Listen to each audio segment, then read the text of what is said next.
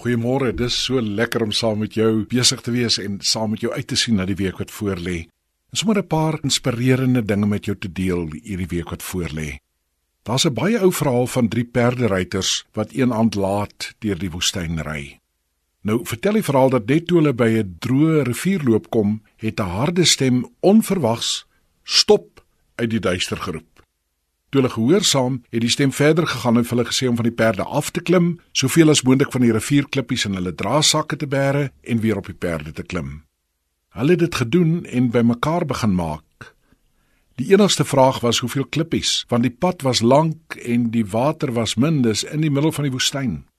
Na hulle lankie oorgerede kabel het, het een besluit om soveel as moontlik op te tel.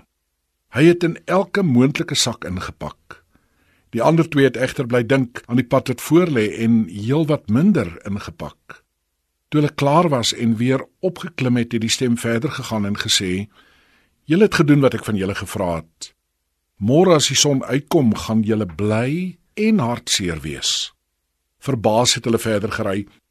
Toe die son die volgende môre opkom en hulle hulle hande in die draadsak sit, het hulle beleef hoe 'n wonderwerk gebeur het. Die klippies wat hulle opgetel het die vorige aand, het in diamante, smaragde en ander kosbare juwele verander. Toe verstaan hulle en jy sal ook nou verstaan wat die belofte was dat hulle bly en hartseer gaan wees.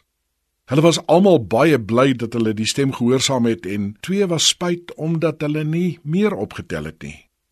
God wil vandag en die res van die week vir jou en vir my die saad van die lewe gee gaan maak jou hande en jou sakke vol. Moenie later terugkyk en spyt wees oor geleenthede wat jy nie gebruik het nie. Die Here bedoel dit wanneer hy in Johannes 10 vers 10 sê ek het gekom sodat jy lewe kan hê en dit in oorvloed. Hy beloof ook in Jeremia 29 vers 11 en gryp dit vandag. Ek weet wat ek vir julle beplan sê die Here. Voorspoed en nie teëspoed nie. Ek wil vir julle 'n toekoms gee, 'n verwagting. Iemand het eendag gesê jy kan nie nuwe horisonne ontdek as jy beide land en see wil bly sien nie. Kom ons waag. Kom ons waag met God. Gaan leef uitbundig. Gaan leef met hoofletters. Die Here staan vandag reg om sulke mense ryklik te beloon. Ek wil jou vra om saam met my te bid.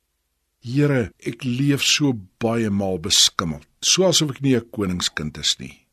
Ek trek vanoggend my feesklere aan. Amen.